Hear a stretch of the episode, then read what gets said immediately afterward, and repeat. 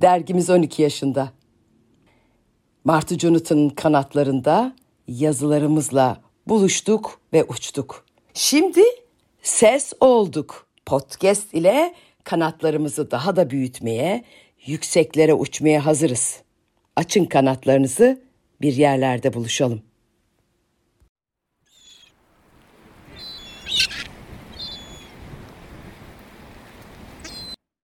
Yazan Anıl Akın Annemin ardından Bir Haziran günü annemi bu dünyadan uğurladık. Yaşı 87 idi. Yaşı kaç olursa olsun sevilen her insanın kaybı erken. Hele bu anne gibi, baba gibi birinci dereceden yakın olursa insanın içi nasıl kavrulur bunu en iyi anne ve babasını kaybedenler bilir.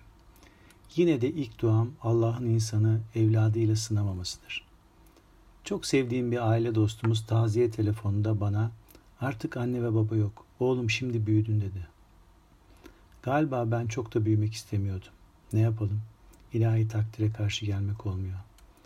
Bundan 32 yıl evvel yine bir yaz akşamı babam 57 yaşındayken bir kalp kriziyle bu dünyadan göçmüştü.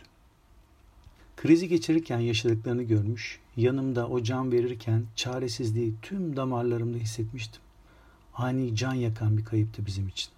Travma yaratan, uzun süre tesirini üzerinden atamadığımız bir vefat. Sevgili annemin kaybıyla 15 yıla yayılan bir hastalıkla oldu. Yavaş yavaş, adım adım eridiğini gördük, yaşadık. Annem hayat dolu, ideal kiloda, şen kahkahasıyla çevresine enerji veren, yardımsever, ailesine ve sevdiklerine düşkün, güçlü bir figürdü. Zaman içinde hastalıkla beraber bu güzel kadının suskunlaştığına şahit olduk. Hemen müdahalede bulunduk. Doktorlara muayene ettirdik. Ancak günümüz tıp şartlarında tedavisi çok da mümkün olmayan bir süreçte olduğunu ifade ettiler. İyi bakımla ancak bu süreci yavaşlatabilirmişiz. Annemin hastalığı süresince uzun uzun bu sürecin bize ve ailemize nasıl etki ettiğini düşündüm. Hastalığın başlangıcında bir isyan hali içindeydik hepimiz. Neden biz? Bu hastalık nereden geldi? Sorularıyla anlamsız bir sorgulama süreci içindeydik. Daha sonra bunun hastaya ve ona bakan bizlere bir fayda sağlamadığına kanaat getirdik ve neler yapabileceğimize odaklanmaya başladık. Madem hastalığı tedavi edemiyoruz, ilerlemeyi nasıl yavaşlatabiliriz, onun konforunu nasıl sağlayabiliriz diyerek danışmaya, öğrenmeye çalıştık.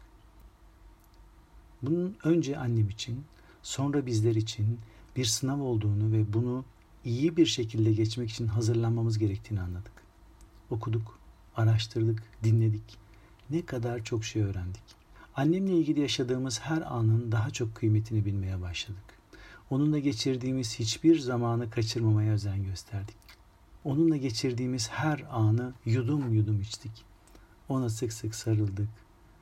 Öptük, kokladık. Ona şarkılar söyledik, dualar okuduk, konuştuk. İyi ki de öyle yapmışız. Şimdi bize gökyüzünden bakan pamuk annem, bize yaşattığın tüm güzellikler için sana minnettarız. Umarım evladın olarak hepimiz bu toplu sınavımızdan yüz akıyla çıkmışızdır. Seni çok ama çok özleyeceğimizi lütfen unutma. Bir gün seninle buluşacağız. O güne kadar senin sabrını, güler yüzünü, dayanıklılığını ve daha birçok meziyetini kendimize örnek alacağız. Seni daima özlem ve büyük bir hasretle anacağız. Seni çok ama çok seviyoruz. Mekanın cennet olsun.